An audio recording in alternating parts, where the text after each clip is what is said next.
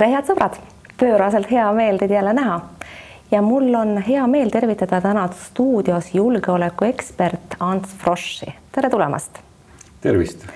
julgeolekueksperdi nimi tekkis teie nime taha alles hiljuti ja tegelikult on tal nii huvitav taust, et enne kui me jõuame Ukraina sõja teemadeni, tahaksin ma vaatajatele teie lahke abiga meelde tuletada, mis mees te õieti olete ja kuidas teist julgeolekuekspert sai.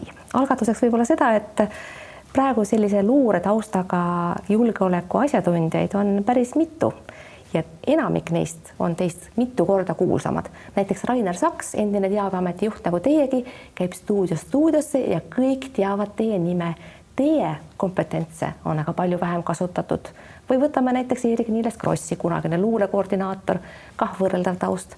kõik teavad teda, teid mitte. miks see nii on läinud? kindlasti on siin äh, kogu see loo alguses äh, toona siis Teabeameti alguses ja selles Eesti luureteenistuse arengus omad vastused. nimelt äh, tuhande üheksasaja üheksakümne teisel aastal, kui Teabeamet loodi, äh, oli väga selge, et äh, meil on sees Vene okupatsiooniväed, olukord on keeruline ning samal ajal ei soovitud valitsuses tekitada olukorda, kus me ennast löögi alla seame. ma tuletan siin vaatajale meelde, et teie olete Teabeameti esimene peadirektor ehk siis nagu vahel öeldakse, Eesti välisluure rajaja. me ei jõua kogu seda lugu algusest peale ära rääkida, aga kui me juba selle Teabeameti juurde jõudsime, siis tõepoolest aasta üheksakümmend kaks, eks ole, väga keeruline aeg. kuidas te üldse sellele kohale saite, kes teid kutsus, tollane, tollane kaitseminister või kuidas see käis, miks just teie?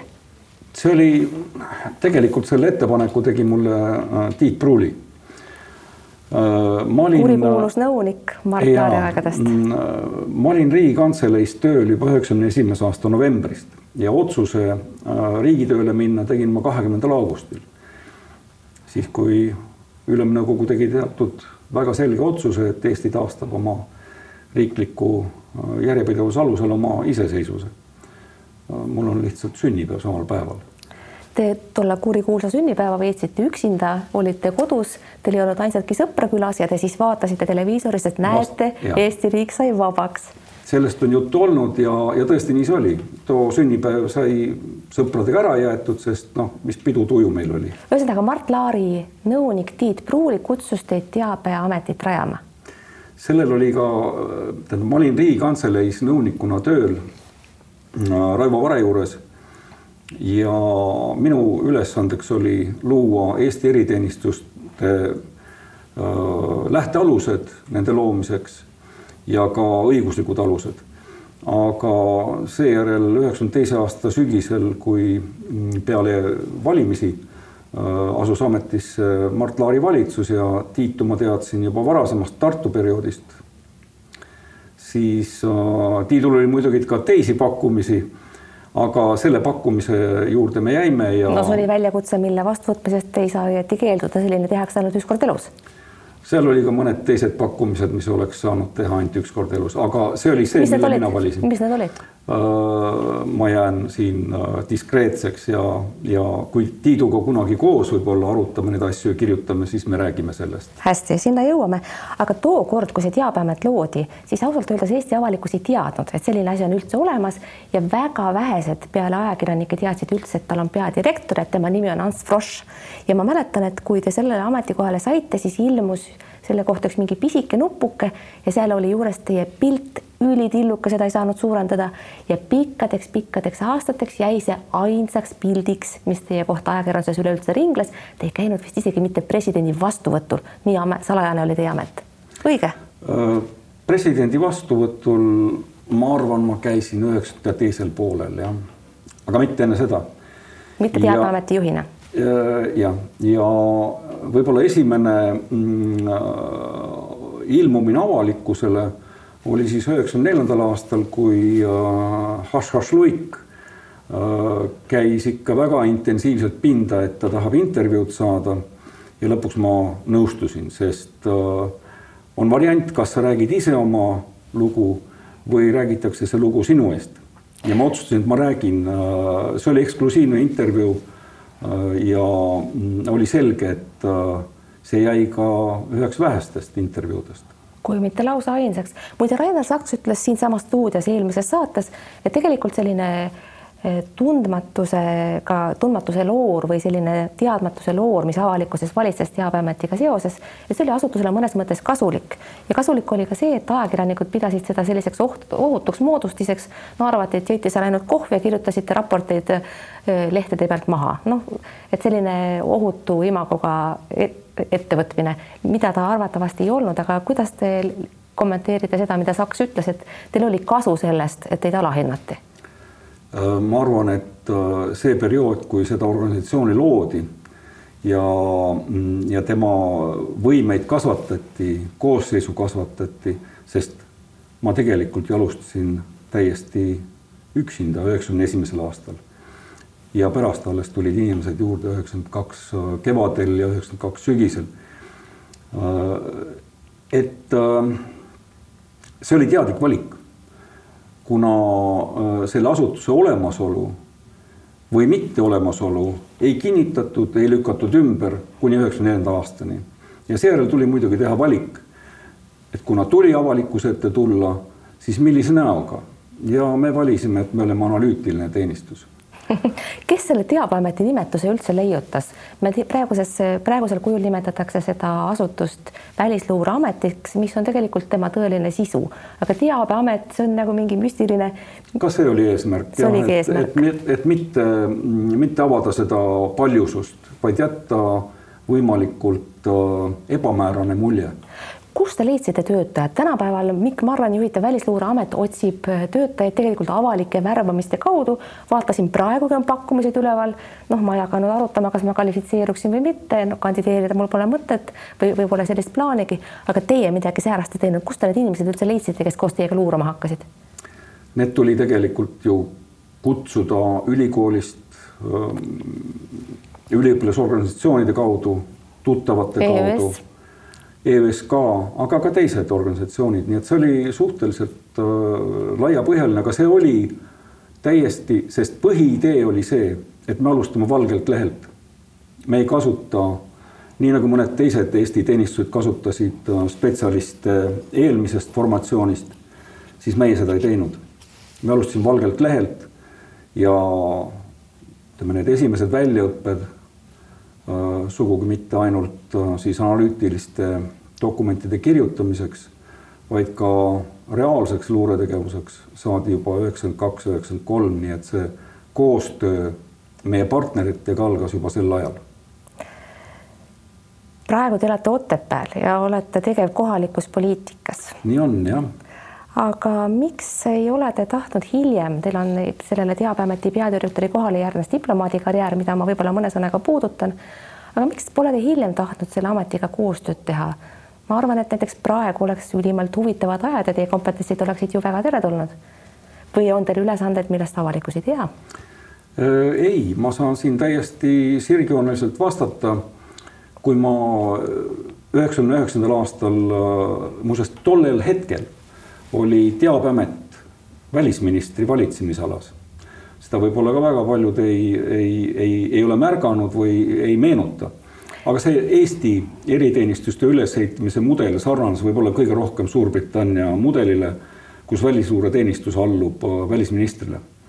ja sel ajal olin ma välisministri alluv ja kui tekkis äh, ütleme siis mõtete, äh, mõtete lahknevus kuidas Eesti luureteenistus peaks äh, tegutsema. no sellest on omal ajal räägiti, et te läksite, et te läksite hoopis välisminister Ilvesega natukene nagu isegi tülli vist kuidas...? aga ma ütleks, et välisminister Ilves siiski tegi mulle pakkumise asuda suursaadiku kohale ja kuna ma olin mõelnud üheksakümne esimese aasta augustis, et ma lähen riiki teenima, siis minu jaoks kadus, oli, oli tegelikult, ma olin enda jaoks otsustanud, et ma ei lähe tagasi advokatuuri Teil on juristiharidus. okei okay,, aga te läksite esialgu Euroopa Nõukogu juurde suursaadikuks, aga kui ma edaspidist diplomaadikarjääri vaatan, siis seal oli ikka puhta Ida-Euroopa riigid, Rumeenia, Moldova, äh, Poola, Bulgaaria.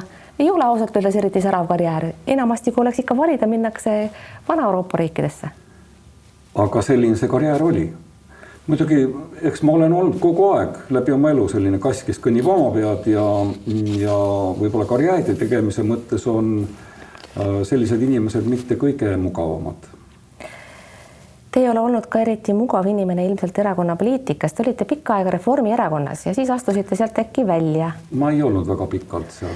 kaks tuhat üheksa kuni kaksteist, kolm aastat, kuidas võtta ja siis te pidasite, pidasite mõnda aega pausi, astusite EKRE-sse kahekümne esimesel aastal ehk siis olukorras, kus nad isegi ei olnud valitsuses enam.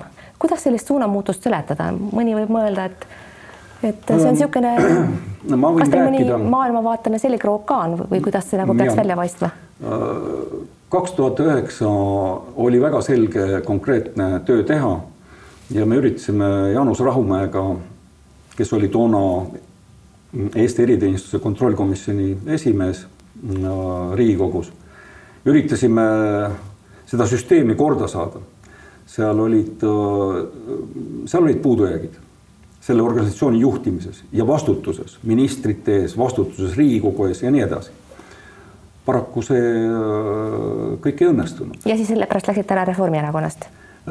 ma, kuna minu võimeid seal ei kasutatud ja see mm, erakonna tegevus jäi nagu selle, selles mõttes äh, kõrvaliseks minu jaoks, siis ma lahkusin sealt, jah. Kuidas te ikkagi endas EKRE-lase üles leidsite? Te olete öelnud, et EKRE on ainus poliitiline jõud Eestis, mis seisab järjekindlalt immigratsiooni vastu. olete näinud, missuguse hukatuseni viib ja. globalismi naiivne kummardamine, ohjeldamatu hedonismi propaganda massimeedias, LGBT teemad. andke andeks, kust see kõik tuleb? ma näen seda pilti. mis puutumus näiteks teil on nimetatud LGBT teemadega, mida pidevalt pedaalitakse ja kahjustatakse meie noort põlvkonda. kuidas te selle kõik endas üles leidsite? See oli väga lihtne. ütleme, te, te vaatate maailma läbi omaenda prisma. ja mina, tähendab, no inimesed vaatavad maailma läbi omaenda prisma ja ma olen puutunud kokku rahvastiku teemadega Eesti rahvastiku säilimise teemadega.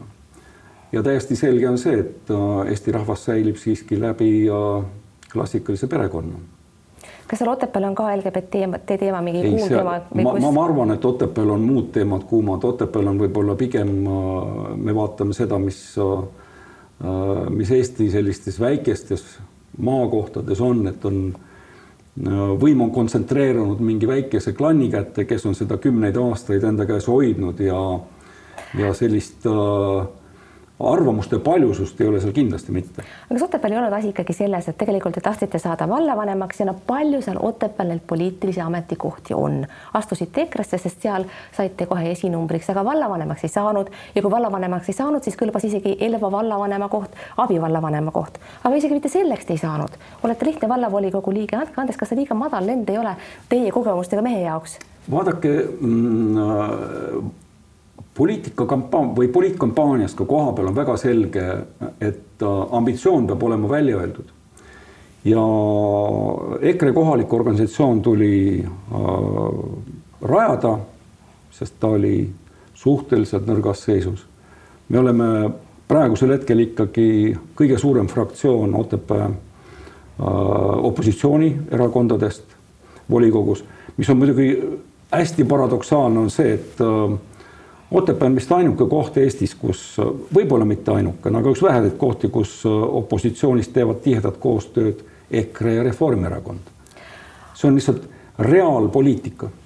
Te astusite EKRE-sse kahekümne esimesel aastal ehk pärast seda, kui EKRE enam valitsuses ei olnud, aga kui EKRE sai, sai valitsusse seni esimest ja ainsat korda, siis tegelikult Eesti poliitikas tekkis väga selline äh, tundlik situatsioon, päris paljud said haiget, päris palju oli solvumist ja Jüri Ratas, tookordne peaminister, vabandas söögi alla ja söögi peale ja olgem ausad, oli ka põhjust. kas teist tookord ei tekitanud teatavat ebamugavust või isegi sellist äh, ebameeldivustunnet Helmete väljaütlemised, mõni neist oli ikka päris, päris räige.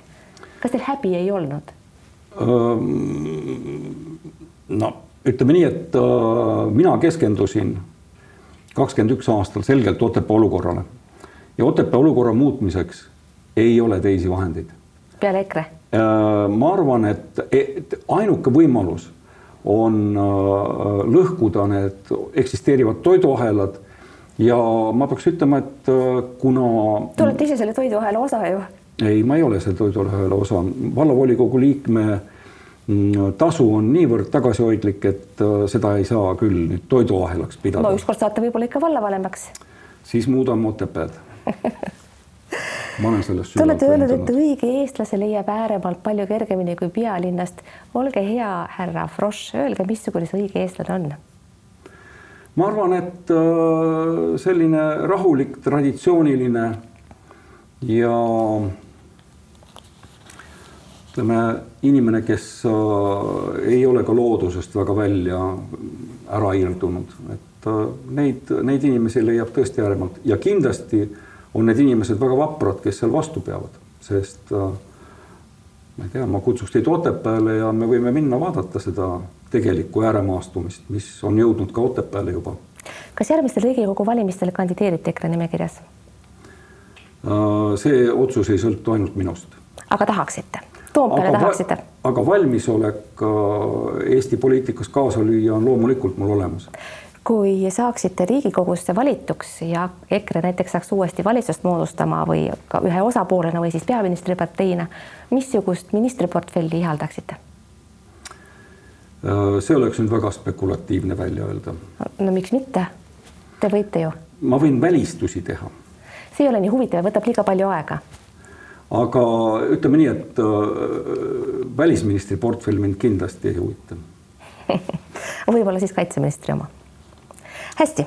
see on, äh, ma arvan, et see oleks nagu täiesti sellist, äh, noh, see on selline laskmata karu naha jagamine ja, ja võib-olla mitte kõige mõistlikum tegevus praegu, me oleme siiski alles ju kahekümne teise aasta kevades. tõepoolest, Riigikogu valimised on alles järgmisel aastal ja me ei tea täna siin, missuguste tulemustega need lõpevad. midagi ei tea. härra Ants Frosch, see kõik oli ainult meeleolukas sissejuhatus, et kuulaja ja vaataja teaks, kes on see mees, kes räägib, kuna tõepoolest olete te avalikkuses meelest läinud ja vaevalt teie saadet Uutes uudistes nii väga kuulamas käiakse. aga nüüd tahaksime teiega rääkida Ukraina sõjast, kui lubaksid, lubate ja kui ma, kui ma vaatasin või kuulasin teie varasemaid väljaütlemisi, siis tundus mulle, et te olete üks nendest, kes kunagi ei kahelnud selles, et Ukrainas sõda algab. ometi läänes ei tahetud seda uskuda, ei tahetud uskuda Ukrainas ja päris palju oli ka Eestis neid inimesi, kes lootsid, et see läheb mööda. missuguse, millel põhines teie veendumus, et sõda kindlasti tuleb juba ammu enne seda, kui ta puhkes või siis eskaleerus sellisel kujul, nagu me praegu teda näeme? tõepoolest, selle, et see sõda tuleb, ütlesin ma välja neljandal novembril. ja, ja, ja minu, seal oli kaks asja, üks oli see, kuidas Venemaa tõepoolest ju koondas neid vägesid juba kevadel ja seejärel asus sügisel seda tegema palju suuremas mastaabis. ja, ja kuna need väed ei lahkunud ja see pidev väljaõppetegevus aina edasi läks, oli selge, et Vene armee valmistub siiski millekski tõsisemaks, mitte ainult jõu näitamiseks. aga võib-olla põhiline veendumus tekkis mul sellest, et USA uus, uus administratsioon, mis eelmise aasta alguses Bideni, president Bideni administratsioon, mis äh, Ameerikat juhtima asus, ei olnud võib-olla kõige, kõige järjekindlam oma, oma Vene poliitikas ja, ja ka kõige järjekindlam ütleme energiapoliitikas. et sinna eelmise aasta alguses äh, suure Keystone XL naftajuhtme blokeerimine selle ehituse katkestamine, siis äh,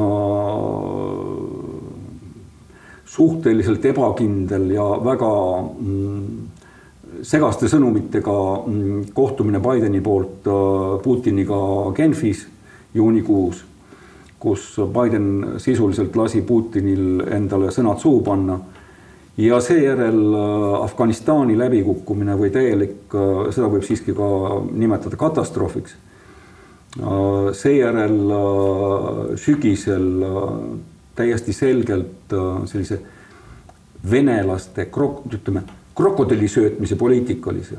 venelased said ka Bideni nõusoleku ja tähendab, sakslased ja, ja venelased said Bideni nõusoleku ju Nord Stream kahe, kahega edasiliikumiseks, seda praegu nagu eriti ei meenutata, aga see juhtus kõik oktoobris no see Nord Stream kaks on praegu, ta ei ole kasutusluba saanud, aga ma olen täitsa kindel, sakslastel mingi hetk võib tekkida see kiusatus ikkagi anda neile see, see kasutusluba ja lasta see, see projekt töösse, sest suurt laeva nagu Venemaa või nagu Saksamaa energiapoliitika on, seda on raske pöörata ja Scholzil on teatavasti omad valijad, kes kindlasti ei taha, et nende toas temperatuur jahedamaks läheb. mis te arvate, kui suur on konkreetselt Saksamaa ja ka teiste lääne suurriikide kiusatus leppida ikkagi Putiniga mingil hetkel kokku, et sõda lõpeks, et ukrainlased võib-olla astuksid sammu tagasi, loovutaksid seda, teist või kolmandat.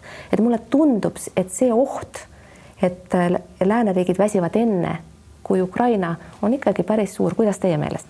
ma olen kahjuks teiega nõus, sest äh, üks asi on see avalik kuvand, mida see narratiiv, mida Vene pool välja käib, nad võitlevad natsismiga Ukrainas ja kaitsevad äh, venekeelset elanikkonda. ja see äh, ütleme, äh, viimaste nädalate suur muutus, et lääneriigid on asunud nüüd Ukrainat ka mm, relvastama, relvastama, see ei välista seda, et tegelikult taustal toimuvad ikkagi intensiivsed konsultatsioonid ja läbirääkimised, võib-olla siin üleeile oli sõnum selle kohta, kuidas Türgi president on taas aktiveerunud ja üritab äh, korraldada mm, Putini ja Zelenski kohtumist. selle, need on ainult need virvendused, mis jõuavad pealispinnale, aga seda, mis, mis tegelikult allpool toimub äh, spetsialistide, diplomaatide, sõjaväelaste tasandil, et äh, see ei paista praegu kindlasti välja. aga soov see sõda lõpetada on täiesti olemas räägime mõne sõnaga sellest lõputust ähvardamisest tuumarelvadega, mis on toimunud juba päris pikka aega ja noh, seal on lääneriikide juhtide poolt on tulnud ka teatavad vastused ja noh, need on muutunud aina konkreetsemaks, aga ometi see ähvardamine ei ole lõppenud. kui tõsine on see oht, et kasutatakse siis kas taktikalist tuuma, tuumarelva või mõnda teist selles sõjas ja kui, kui tõsine on oht, et see eskaleerub siis täiemahuliseks sõjaks NATO ja Venemaa vahel? Ma vastaksin siin äh, Pentagoni kõneisiku admiral John Kirby hiljutiste sõnadega, et on täiesti vastutustundetu, et Vene juhtkond kasutab tuumasantaaži või tuumaähvardust. no see ei üllata meid ju ammu. aga ütleb John Kirby edasi, oleks väga, oleks samasugune vastutustundetus, kui me ei mõtleks selle peale ei, ja ei tegeleks sellele vastuse otsimisega nii et äh, mina loen küll siit välja selget äh, ohtu. see ei ole kadunud kuhugile. me ei tea sellest väga palju. aga ütleme Putini ja äh, Putinit teatakse kui inimest, kes äh, viib oma välja öeldud asjad ellu. ja on kindel, et äh, kui jõutakse teatud piirini kui Venemaa, ma ise oletan, et see on see hetk, kui Venemaa tõsiselt hakkab kaotama Ukrainas, siis muutub see oht väga suureks. paar sõna ka Soome ja Rootsi eh, liitumisest NATO-ga, mis on siis eeldatavasti saab lõpliku kinnituse otsuse kohaselt või otsuse korras sellel suvel. sellega seoses muutub julgeolekuolukord mitte ainult nimetatud riikides, vaid ka meil, mis suunas kindlasti üks suund on äh, see, mida venelased välja on öelnud, et enam ei saa rääkida tuumavabast äh, Balti mere piirkonnast. ehk see tuumaähvardus tegelikult on antud nii Soomele, Rootsile kui ka Balti riikidele, Poolale äh, väga ilmekas oli üks kuu aega tagasi Soome presidendi CNN-ile antud intervjuu, kus ta rääkis ka oma viimasest äh, telefonaadist äh, president Putiniga. ja ka seal oli juttu tuuma, tuumaohust ja äh, Niinistö ütles väga selgelt, et Putini sõnu tuleb võtta tõsiselt. lõpetuseks, mida me peaksime ka siin kartma, lootma praeguse, praegu alanud aasta jooksul, järgmise kahe-kolme aasta perspektiivis, kümne aasta perspektiivis? ma usun, et see periood, mis kulub Soome ja Rootsi liitumisele NATO-ga, sest see protsess ei ole siiski sõrmenipsuga tehtav. no see käib väga kiiresti, aga siiski. ja seal tulevad nädalad, kuud võib-olla isegi me ei tea, kuidas mõned äh, NATO riigid äh, on valmis, kui ruttu nad valmis oma parlamentides neid otsuseid ratifitseerima. et see võtab kindlasti aega ja see aeg saab olema väga ohtlik. see mitte ainult Soomele, Rootsile, vaid ka teistele Balti riikidele. sealt edasi, pikem perspektiiv ausalt öelda äh, ma mainisin ka oma neljanda novembri äh, saates seda, et tõenäoliselt langeb ikkagi äh, raudne eesriie siis Euroopa ja Venemaa vahele. kui selle raudse eesriide langetamine jõuab rahulikult lõpuni, et ei teki sõda ühelt poolt NATO ja teiselt poolt Venemaa vahel, siis rahuperiood jääb ilmselt pikalt kestma, aga selle uue reaalsuse, uue stabiilsuse fikseerimiseni läheb ikkagi päris mitu aastat, ma usun. ja ma meenutaks äh, detsembrikuist Vene ase, asevälisminister Javkovi vahendusel äh, välja käidud äh, ultimaatumit, et Äh, Venemaa eesmärgiks on ikkagi NATO lahkumine üheksakümne seitsmenda aasta piiridele ja see tähendab seda, et äh, soovitakse, et äh, Balti ruumist nad ja ka Poola ja, ja teised Ida-Euroopa riigid arvatakse välja. on selge, et see on Venemaa soov. kas see teostub, sõltub nüüd NATO-st ja ka meist, Eestist, Lätist, Leedust. ja siin ma, ma, ma lihtsalt lisaks selle, et me peaksime keskenduma eeskätt oma riigi kaitsmisele on äh, väga inimlikud kõrvaltegevused. Ma nimetaks neid siiski riigi kaitse seisukohalt ja Eesti riikluse säilimise seisukohalt kõrvaltegevusteks. mida te silmas peate? ma tahan silmas kasvõi seda põgenike hulka, mille me oleme vastu võtnud. aa jaa, see teie immigratsioonivastasus oli üks teid, mis teist EKRE-sse viis. et kuidas me peaksime siis toimima, kas me ju, me ju tahame ukrainlasi aidata, on, see on meie kohustus seda teha, kas pole nõnda? aga me oleme samas olukorras nagu äh, ütleme vetelpäästja upuja päästmisel kõige tähtsam on see, et see vetelpäästja ise selle päästmise käigus ära ei upu. nii et teie isiklikult ühtegi ukrainlast ei aitaks? ma olen neid aidanud isiklikult Kotepääl ja, ja loomulikult ma olen äh, koos vabatahtlikega käinud neile rääkimas Eestist, Euroopast, sest äh, need ja andnud inimesed... mõista, et nad pole siin teretulnud? ei, me oleme rääkinud seda teemat me pole puudutanud, me oleme rääkinud Eesti kultuurist, Eesti ajaloost ja sellest, et nad saaksid aru, kuhu nad üldse sattunud. Need inimesed on põhiliselt olnud äh, Ida-Ukrainast.